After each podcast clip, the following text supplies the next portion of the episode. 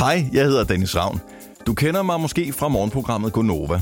Ligesom så mange andre elsker jeg at lave, og ikke mindst spise hjemmelavet mad. Men kan jeg egentlig gøre madlavning både sjovere, bedre og mere spændende? Og hvad med smagen? Hvilke tricks kan jeg lære for at gøre det til en endnu større fornøjelse at spise og servere den hjemmelavet mad? Jeg har sat mig for at forsøge at forstå nogle af de gastronomiske metoder, der gør maden lækre og mere velsmagende, og også gerne mindre tidskrævende. For jeg tænker, at med den rette viden og et tilskud af teknologi, kan den daglige tur i køkkenet måske blive en endnu mere glædelig oplevelse. Jeg vil gerne byde dig velkommen til denne podcast, produceret af Bauer Media for AEG. Nu er der molekyler på menuen. I dette afsnit kan du blive klogere på metoden sous vide. For hvad vil det egentlig sige at lave mad ved kontrolleret varme? Og kan man virkelig tilberede både kød og grøntsager i et helt simpelt vandbad? Og bliver det egentlig bedre end den metode, jeg plejer at bruge? Jeg har allieret mig med Carsten Tangård, der er sous ekspert og forfatter til bogen Sous vide i dit eget køkken, og Lars Duelund, der er fødevarekemiker ved Syddansk Universitet. Så vidt så godt. Lad os komme i gang. Den, den første sådan rigtig sous vide tilberedning var jo franskmænd, der forsøgte med at koge en foie gras. Og det er ikke nemt, så derfor bliver man nødt til at pakke den ind. Mm-hmm. At det så viser sig, at der har en hel masse andre gode ting, man kan bruge det til. Men det startede simpelthen med, at foie skulle koges. Så er vi i køkkenet i Brøndshøj, og tusind tak, fordi vi må komme og besøge dig, Carsten Tangård. Du er sous vide ekspert og forfatter til bogen Sous vide i dit eget køkken. Men øh, inden vi lige kommer lidt nærmere ind på de rent praktiske øvelser, som, øh, som vi skal lave med dig, så øh, er det bare lidt interesseret i at høre øh, din baggrund. Hvor længe har du lavet det her? Fordi sous vide er jo sådan et relativt nyt begreb, sådan inden for gastronomien i hvert fald. Jeg har arbejdet med det i 6-7 år. Jeg har altid lavet mad, men arbejdet med sous vide i 6-7 år. Og det sidste 3,5 år har jeg lavet det på fuld tid. Og hvad var det, der ligesom gjorde, at uh, du fandt ud af, at det her det var, det skulle være din métier? Altså først og fremmest var det smagen. Jeg opdagede, at jeg fik hos nogle gode venner, som også godt kan lide sådan nogle ny teknologi. Der fik jeg noget mad, som jeg ikke rigtig kunne forstå, hvordan det kunne blive så godt. Så det var det første, men selvfølgelig er det også sjovt, at der er noget teknik blandet ind i. Det synes jeg er sket. Der er ingen tvivl om, at Karsten har fuldstændig styr på sous vide tilberedninger. Og det skal vi også have nu, for Karsten har nemlig forberedt en træretters menu, hvor alle hovedingredienser er tilberedt i sous vide. Vi skal først lave torsk, fordi mange synes, at det her med sous vide, det er rødt kød, så nu tænker jeg, nu skal vi starte med torsk. Og vi skal starte med torsk direkte fra frost, det kan vi komme ind på, hvorfor vi gør det. Så er der en hovedret, som er kødet er en lammekyllotte, og så er der tre slags grøntsager. Der er majskolber, og der er asparges, og der er gulerødder. Og til sidst laver vi så, og det er måske næsten en af de allerbedste ting i vide, vi laver rabarber. Og så putter vi lidt jordbær og noget creme på, og lidt nødder op på toppen. Det lyder lækkert. Lad os, øh, lad os komme i gang. Ja, jeg tager en pose her. Så tager jeg nogle majskolber, som jeg har renset og saltet, kommer ind i den pose. Og så har jeg en, en øh, vakuumsuger her, som er det, som de fleste har. Og det er sådan en maskine med et låg, man kan klappe op, og så kan man lægge posen ind i klemme. Klapper jeg den ned, og så sætter jeg den til.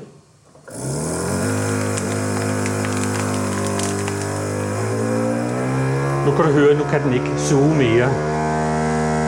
Og så kan jeg se på lamperne, at nu svejser den, så nu er den forsejlet, og der er ikke noget luft, der kan slippe ind. Og fidusen var altså, at de her majskolber nu øh, har en, sådan en hinde eller en hud af plastik rundt om sig.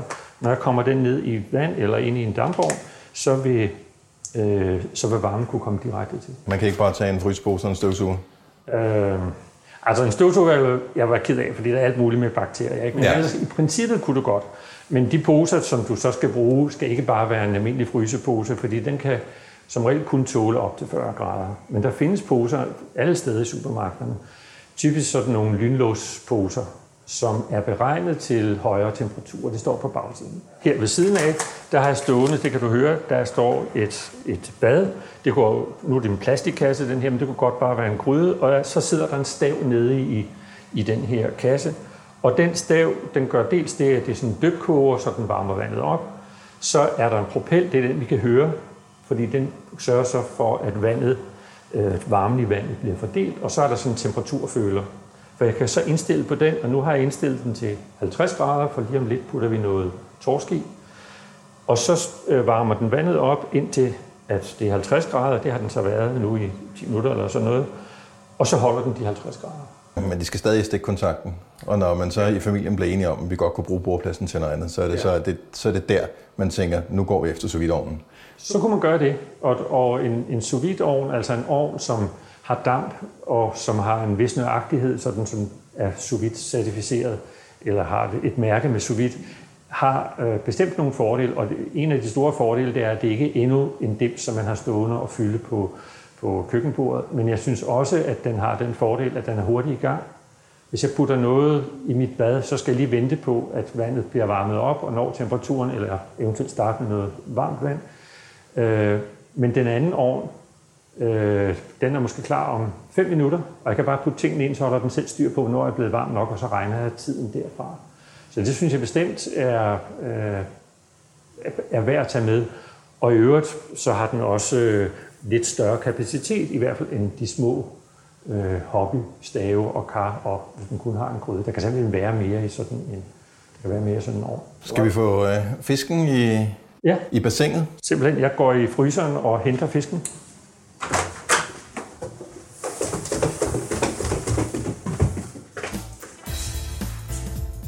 Imens Carsten henter fisken og tilbereder den i sin sous vide, så kan vi lige se nærmere på, hvad fordelen egentlig er ved kontrolleret varme. Det kan fødevarekemiker Lars Duhlund gøre os klogere på. Fordelen er, at du har en fast temperatur. Du ved præcis, hvad din temperatur er. Hvis du for eksempel kigger på, om en bøf skal være rød eller gennemstegt, så opererer du fra 58 til 60 grader. Så du opererer inden for et snævert temperaturinterval. Så derfor er det godt at have styr på temperaturen. Men også, når du steger på en pande, når du steger i ovnen, så er det jo meget, meget over den temperatur, du gerne vil have kødet skal have. Så derfor ender det jo med, at din års ydersiden på dit kød får en meget, meget højere temperatur end kernen.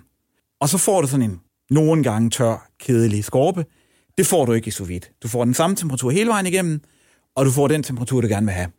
Og, øh, og du forklarede mig, at øh, det handler om, at proteinstrukturen simpelthen går ind og bliver påvirket ved nogle bestemte temperaturer i et bestemt øh, tidsinterval, kan ja. man sige. Ja. De her proteiner, kød er jo proteiner. Ved en vis temperatur, så vil det begynde at blive nedbrudt, altså det vi kalder denatureret, faktisk en omformning. Når, en, når din bøf, når du starter den på panden, du kan mærke, at den bliver hård, så er det faktisk, fordi de her proteiner begynder at blive denatureret, de begynder at trække sig sammen. Og det sker ved en fast temperatur. Og det er det, der så, du så kan styre i sous Så når du putter den på en glohed pande, som er mange hundrede grader varm, så har du ikke rigtig kontrol over hele dit stykke af kød, kan man nej, sige. Nej, du har ikke kontrol over, hvad temperaturen lander på inde i midten. Du har kun kontrol for så vidt som, at du kan tage den af, når du synes, den har ligget der længe nok. Men du kan ikke på forhånd vide, hvad den bliver. Lad os nu sige, at man ikke har noget teknologi øh, til sin rådighed, men godt kunne tænke sig at prøve at lave et eksperiment hjemme i sit eget køkken med præcis det her. Så ved jeg, at æg har nogle egenskaber, der gør, at man, øh, hvis man er lidt præcis med sit termometer, faktisk kan få en ret stor aha-oplevelse.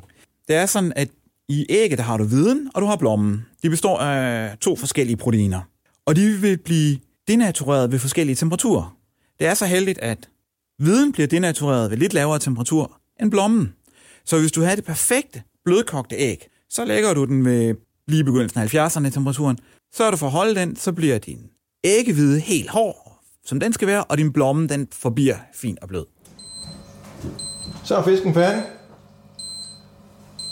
Jamen, øh, så skal vi jo øh, have den anrettet. Så skal vi have den anrettet. Og jeg tager den først øh, fisken op af badet her, op med låget og op med fisken. Og så kan jeg jo lægge grøntsagerne og kødet ned i det her 50 grader varmt vand, imens vi... Det er til hovedretten? Det er til hovedretten, og jeg har også noget kød herinde i køleskabet. Jeg lægger mine to lammekilotter, som er kolde, så de skal nu ned i det her lune vand og blive lidt opvarmet så er det klar om lidt.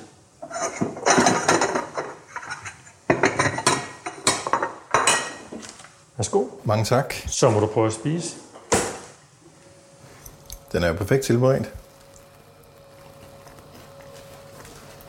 Jeg følger lige også med. Mm. Jeg kan se, når nu jeg trykker på fisken, så kan jeg se, at den falder sådan i flager. Ja. Og det er det, den skal ved den her temperatur. Og du kan se, at flagerne er helt sådan glinsende glatte. Ikke? Men det er jo en af de ting, som jeg ved, at mange, mig selv inklusive, gør, at man er en lille smule nervøs for fisk til ja. hverdag, fordi enten så bliver den ikke helt nok, eller så bliver den lidt for nok, ja. øhm, og det tager jo lidt af fornøjelsen af, når man, når man skal lave det. Men øhm, det vigtige her er smagen også. Det er helt vildt flot tilberedt. Og der er ingenting gjort ved fisken, før at den øh, kom ned i sous så den er... Kun salt. Givet noget salt, ja. og så er den blevet vakuumeret. Ja. Og så har den været nedsænket i 50 grader i en halv time. ja. Og så får man det her resultat. Og det er altså direkte fra frost, ikke? Altså, Ja. Er det altid den bedste løsning at lave sous vide? Nej. Nej. Øh, jamen, jeg skulle lige tænke mig om, og for at finde et eksempel, hvor det ikke er godt. Øh, men men jeg, på mine kurser har jeg mange diskussioner med folk, som synes, at alt mørt rødt kød, det skal bare direkte på grillen. Og det kan jeg godt forstå, fordi hvis du laver en, en bøf, altså en tyk bøf øh, med sous vide først, så smager den rigtig godt, synes jeg, hvis du så kommer den på grillen. Men den har en eller to smagsnuancer. Den har nemlig det, der er inde i, som sous vide sørger for, og der kan du ramme lige præcis, som du gerne vil have den i rød eller rosa, eller hvad du gerne vil have. Og så har den en god stegeskorpe. Hvis nu du tog et fersk råt stykke kød og kom på grillen og gav den det den tid, den nu skulle have, så vil du have sådan en gradient yderst fra noget, der er meget branket, til noget, der er gråt, til noget, der er rosa, til noget, der er rødt, til noget, der næsten er blodet inde i midten. Og, og det, det er faktisk ikke kun dårligt, fordi det giver en masse forskellige smagsnuancer. For rødt kød, altså næsten råt kød, det smager på en måde, og gråt kød smager på en anden. Og der får du sådan en palette af, af smagsnuancer. Og jeg synes ikke, der er noget, der er bedre eller dårligere end noget andet. Det er bare noget andet. Men der er i hvert fald én ting, som jeg synes, øh, hvor jeg synes stadig, så vidt har en berettigelse, også med rødt kød. Rødt kød er typisk øh, det dyre kød. Så der tror jeg, at der er mange, som ikke er rutinerede kokke, synes, at det er rart, at de kan være sikre på resultatet. Så selvom en rigtig god grillmester vil kunne lave noget, der er, det er lidt anderledes, men det er også super godt direkte på grillen, så tror jeg, at der er mange, der værdsætter, at den her dyre kalvemørbræ, eller hvad det nu har købt, at den bliver perfekt hver eneste gang, fordi de har forberedt den i sous vide. Hvis du, ligesom jeg, er nybegynder og gerne vil kaste ud i sous vide tilberedninger hjemme i køkkenet, så er det også en rigtig god idé at være opmærksom på bakterier. Fødevarekemiker Lars Duhlund giver her sin opfordring til, hvad man skal være særlig opmærksom på. Det er selvfølgelig altid noget, du skal tænke over. Men typisk vil du jo lave hele kødstykker i det. Og hele kødstykker er jo ikke det, nær det samme problem bakteriologisk, som hvis du havde hakket kød. Og så vil man typisk også, måske ikke ved din 4 kilo steg, men med en mindre stykker, lægge dem på en varm pande, så du bagefter fik brunet overfladen af, og så har du jo slået de bakterier ihjel, der var der. Man kan jo også endelig, inden man kører det i sous lige skylde under vandhanen, så hjælper det jo faktisk også på at få de fleste bakterier af. Og er der nogen, altså nu nævner du selv hakkekød, at måske giver ikke så meget mening at, øh, at putte i en sous men man kan vel godt, hvis man skal tilberede til mange mennesker, hvis man har, er sikker på, at det kød, man får, er, er, er hakket rigtigt, hvis man eventuelt har gjort det selv. Hvis man stoler på sit kød, så burde jo ikke være noget problem. Men hvis man ikke har helt fidus til, hvor det kommer fra, så skal man nok lige tænke over, om det er en god idé at komme hakket kød i sous viden. Så piper den igen, Karsten, så... Øh, Ja, nu har kød og grøntsager blevet lunet cirka en halv times tid i vandet, mens vi har spist forret. så det vil sige kødet, som du tog direkte fra køleskabet og i virkeligheden tilberedte i sous for dage siden, Ja. det har nu opnået øh, en temperatur på 50 grader. Ja. Og det vil sige, at nu er det klar til den sidste del af processen. Ja, nu er det klar, det er klar til at spise. Det har der sådan set været hele tiden. Nu er det også lunt, så det er rart at spise.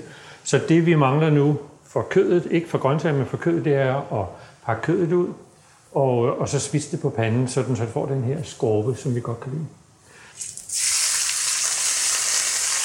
Og den anden også. Og så starter jeg mit ur, for jeg vil faktisk godt give den cirka 45 sekunder på hver side. Jeg er nødt til lige at tænde emhætten.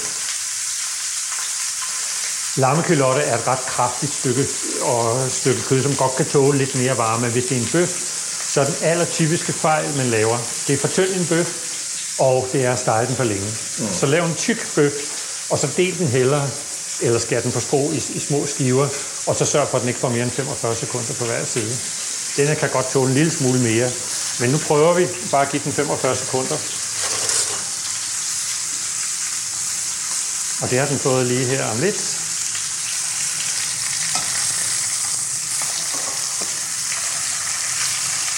Dennis, du kan måske lige for, prøve at fortælle, hvad man kan se nu, at den har fået en stegeskår på den her kort. En virkelig flot uh, stegeskår, og jeg stod lige og tænkte på, at normalt, når man skulle lave, altså når man skulle tilberede det, hvor lang tid man ville bruge og skulle stå og holde øje med og monitorere, at alting var, som det skulle være. Ja, for en, en lammekylotte er et forholdsvis mørt, men ikke super mørt, så det skal have noget tid for at blive mørt. Så hvis du ikke har lavet det i sous vide, så er det ikke nok at bare bruge det. Det skal have noget tid ved, ved lav varme også for at blive mørt. Nu nærmer vi os. Det er jo til lige give den en lille smule på siden også, for at få noget ekstra stegesmag.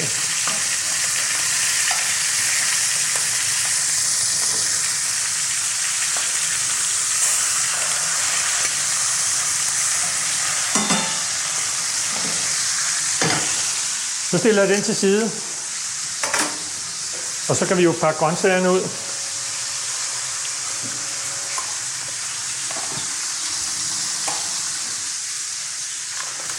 grøntsagerne er også tilberedt i sous vide.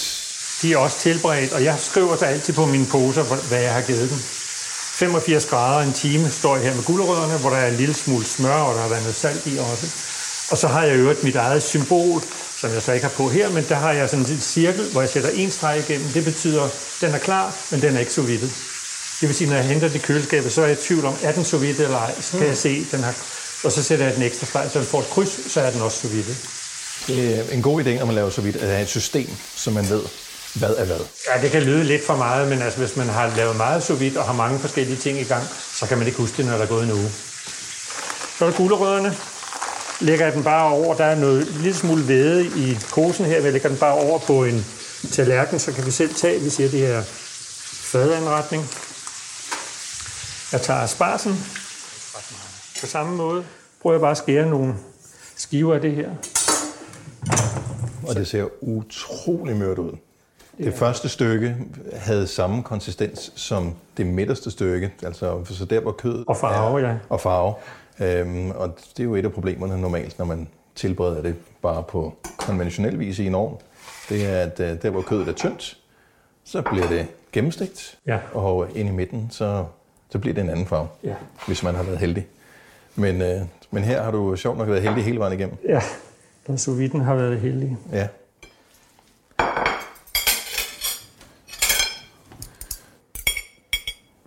Hvor længe har kødet fået? Kødet har fået 4 timer, og det har fået 58 grader. Derfor får du den her øh, rosa farve.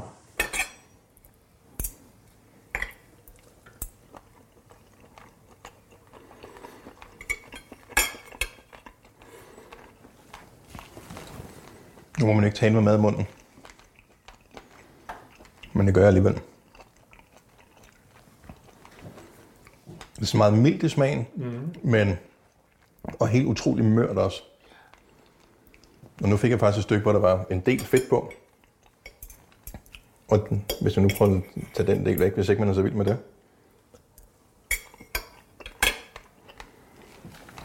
Altså, jeg kan jo nærmest tygge det med tankens kraft. Ja, det er fint. Og det smager. Jeg synes, det får en, en, en markant lammesmag, men ikke sådan en kraftig øh, pågående. Og slet ikke det, som man i gamle dage sagde, det smager af uld. Det har sådan en meget mild og fin. Og det har nemlig været min øh, udfordring med, med lam, og derfor ja. så synes jeg, det var spændende, at du skulle tilberede lam. Okay. Øh, fordi det ved jeg jo alle de gange, jeg har fået det, at der er nogen, der er dygtige til at tilberede det, og så er der nogen, som skal bruge hvidløg for at øh, fjerne smagen. Men det har du ikke gjort her. Prøv at tage en, en gulerod, en bid af en gulerod, bare for at man måske kan høre, at der gerne stadig skulle være en lille smule bid i den. Og den også er sødere, end en gulerod plejer at være. Ikke? Mm. Spidsen, altså det tynde ja. Stykke af guleroden, og inde midt i, ja. Havde samme konsistens. Så det er ikke, der er ikke sådan uheldige. Og smagen er nemlig sød. Grøntsager har noget sødme i sig, som man nogle gange koger ud i vandet, når man kommer op omkring de 100 grader og, og koger det længe. Karsten lavede altså en hovedret med lammekylotte, majs, asparges og gulerødder, hvor alle hovedingredienserne fik lige lang tilberedningstid med sous vide. Alle råvarer bevarer den kraftige smag og lækre konsistens. Og jeg må indrømme, at jeg allerede er fuldstændig forelsket i sous vide tilberedningen, men vi er faktisk ikke færdige. For kan det virkelig lade sig gøre at lave en lækker dessert med sous vide? Det værste ved en god middag, det er jo, når man er færdig. Men det er vi heldigvis ikke endnu, Karsten. Så øh, vi har fået en forret, øh, som var torsken. Vi har fået en hovedret, som var lammekalotten.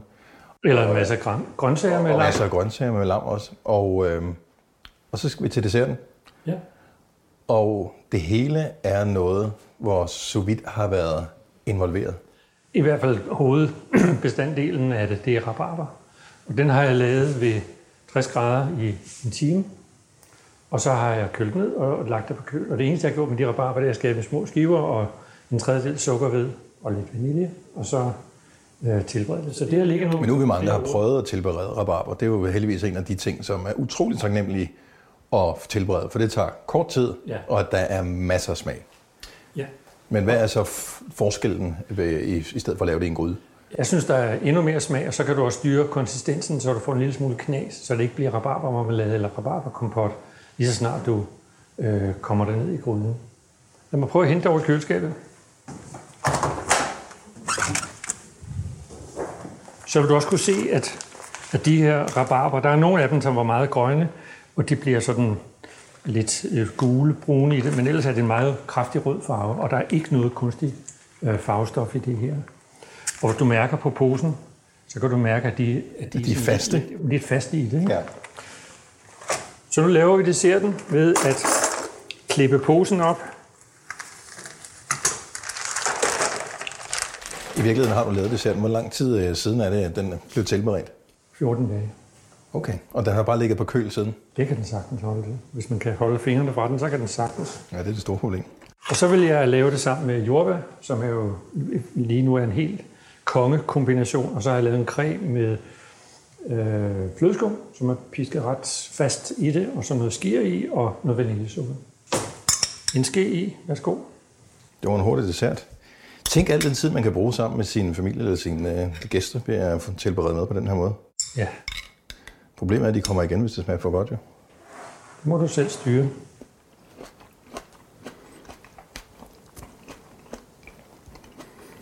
Men det er jo bare en eksplosion af syrlighed og sødme, og den er sprød, og der er lige den der sådan lidt fede til i cremen. Og det får man aldrig, det kan man aldrig få nok af det her. Altså, Det er godt, jeg har lavet et kilo. det er jo så utroligt få ingredienser. Og lige præcis rabarber, tror jeg ikke, jeg kan ikke huske, at jeg har smagt dem tilberedt, hvor de har, altså hvor man skal tygge dem typisk set. Altså normalt er det ligesom noget koldt marmelade, man vil få, ikke? Nu tykker jeg lige i munden her. For så vidt er jo ikke, det er jo ikke noget magisk som sådan. Det er jo i virkeligheden bare øh, et spørgsmål om, om fuld kontrol over den proces, som, som man alligevel skal lave, når man tilbereder fødevarer. Øhm, og, og magien ligger i virkeligheden i tid og temperaturstyring. Da jeg lavede min bog for et par år siden, der var Kenneth Hansen op fra Svinkløv Badehotel var sød og sætte igennem. Og han sagde noget, som jeg synes er, er meget tankevækkende. Han sagde, at så vidt det er ikke noget, som gør nogen af os til øh, Michelin-kokke, men det hæver vores bundniveau. Og det vil sige, at, at vi er ude over det, hvor det blev det rene katastrofer, fordi kødet blev alt for tørt, eller fik for lidt, eller fik for meget, eller fik ikke den rigtige rødhed og sådan noget. Vi er, det hæver vi op, sådan så vi kan lave noget, som er øh, rimelig godt, op til rigtig, rigtig godt i den skala, og vi kan gøre det gang på gang på gang på gang. Og så er der en masse ting, som sous vide ikke kan. For eksempel at lave en hel ret og lave noget, om det nu er sovs til, eller hvad der skal være, grøntsager og, og måske sådan noget salat og brød og alt muligt andet for at lave en komplet ret. Det er ikke det, som er sous øh, hvad skal man sige, fornemmeste øh, opgave, men det er at lave de der proteiner og grøntsagerne, fisk og alle de her ting, sådan så det bliver, sidder lige i øjet. Og så kan man bruge sit krudt på noget andet. Tusind tak, fordi at, øh, du vil demonstrere for os, Carsten. Velbekomme, det var en fornøjelse. Og jeg siger også velbekomme til øh, alle, der lytter med. Og øh, jeg er slet ikke færdig med at øh, tage for mig af retterne her. Så øh, tusind tak til alle, der lytter med. Og så let er det altså. På bare et par timer har Carsten Tangård serveret en tre-retters menu, hvor alle hovedelementer er tilberedt med sous vide. Sous vide er en fantastisk metode for dig, der gerne vil have fuld kontrol over hele processen, og ikke mindst kvaliteten. Det bliver nemmere at forberede sig, du kan spare tid, undgå stress, og ovenikøbet minimere risikoen for at lave fejl. Og så er der også smagen. Jeg ved ikke med dig, men sous vide udstyr står ret højt på min ønskeseddel. Og skal du alligevel have opgraderet køkkenet, så vil jeg klart anbefale at overveje, om en dampvogn med sous vide skal være det nye familiemedlem. Det kan helt klart være med til at gøre madlavningen til en leg, også på de dage, hvor det bare er noget, der skal overstås. For det er ikke mere besværligt end sådan, som man plejer at tilberede maden. Det er bare anderledes og ret nemt, når først man kommer i gang. Denne podcast er produceret af Bauer Media for AEG. Mit navn er Dennis Ravn, og du har lyttet til Molekyler på menuen.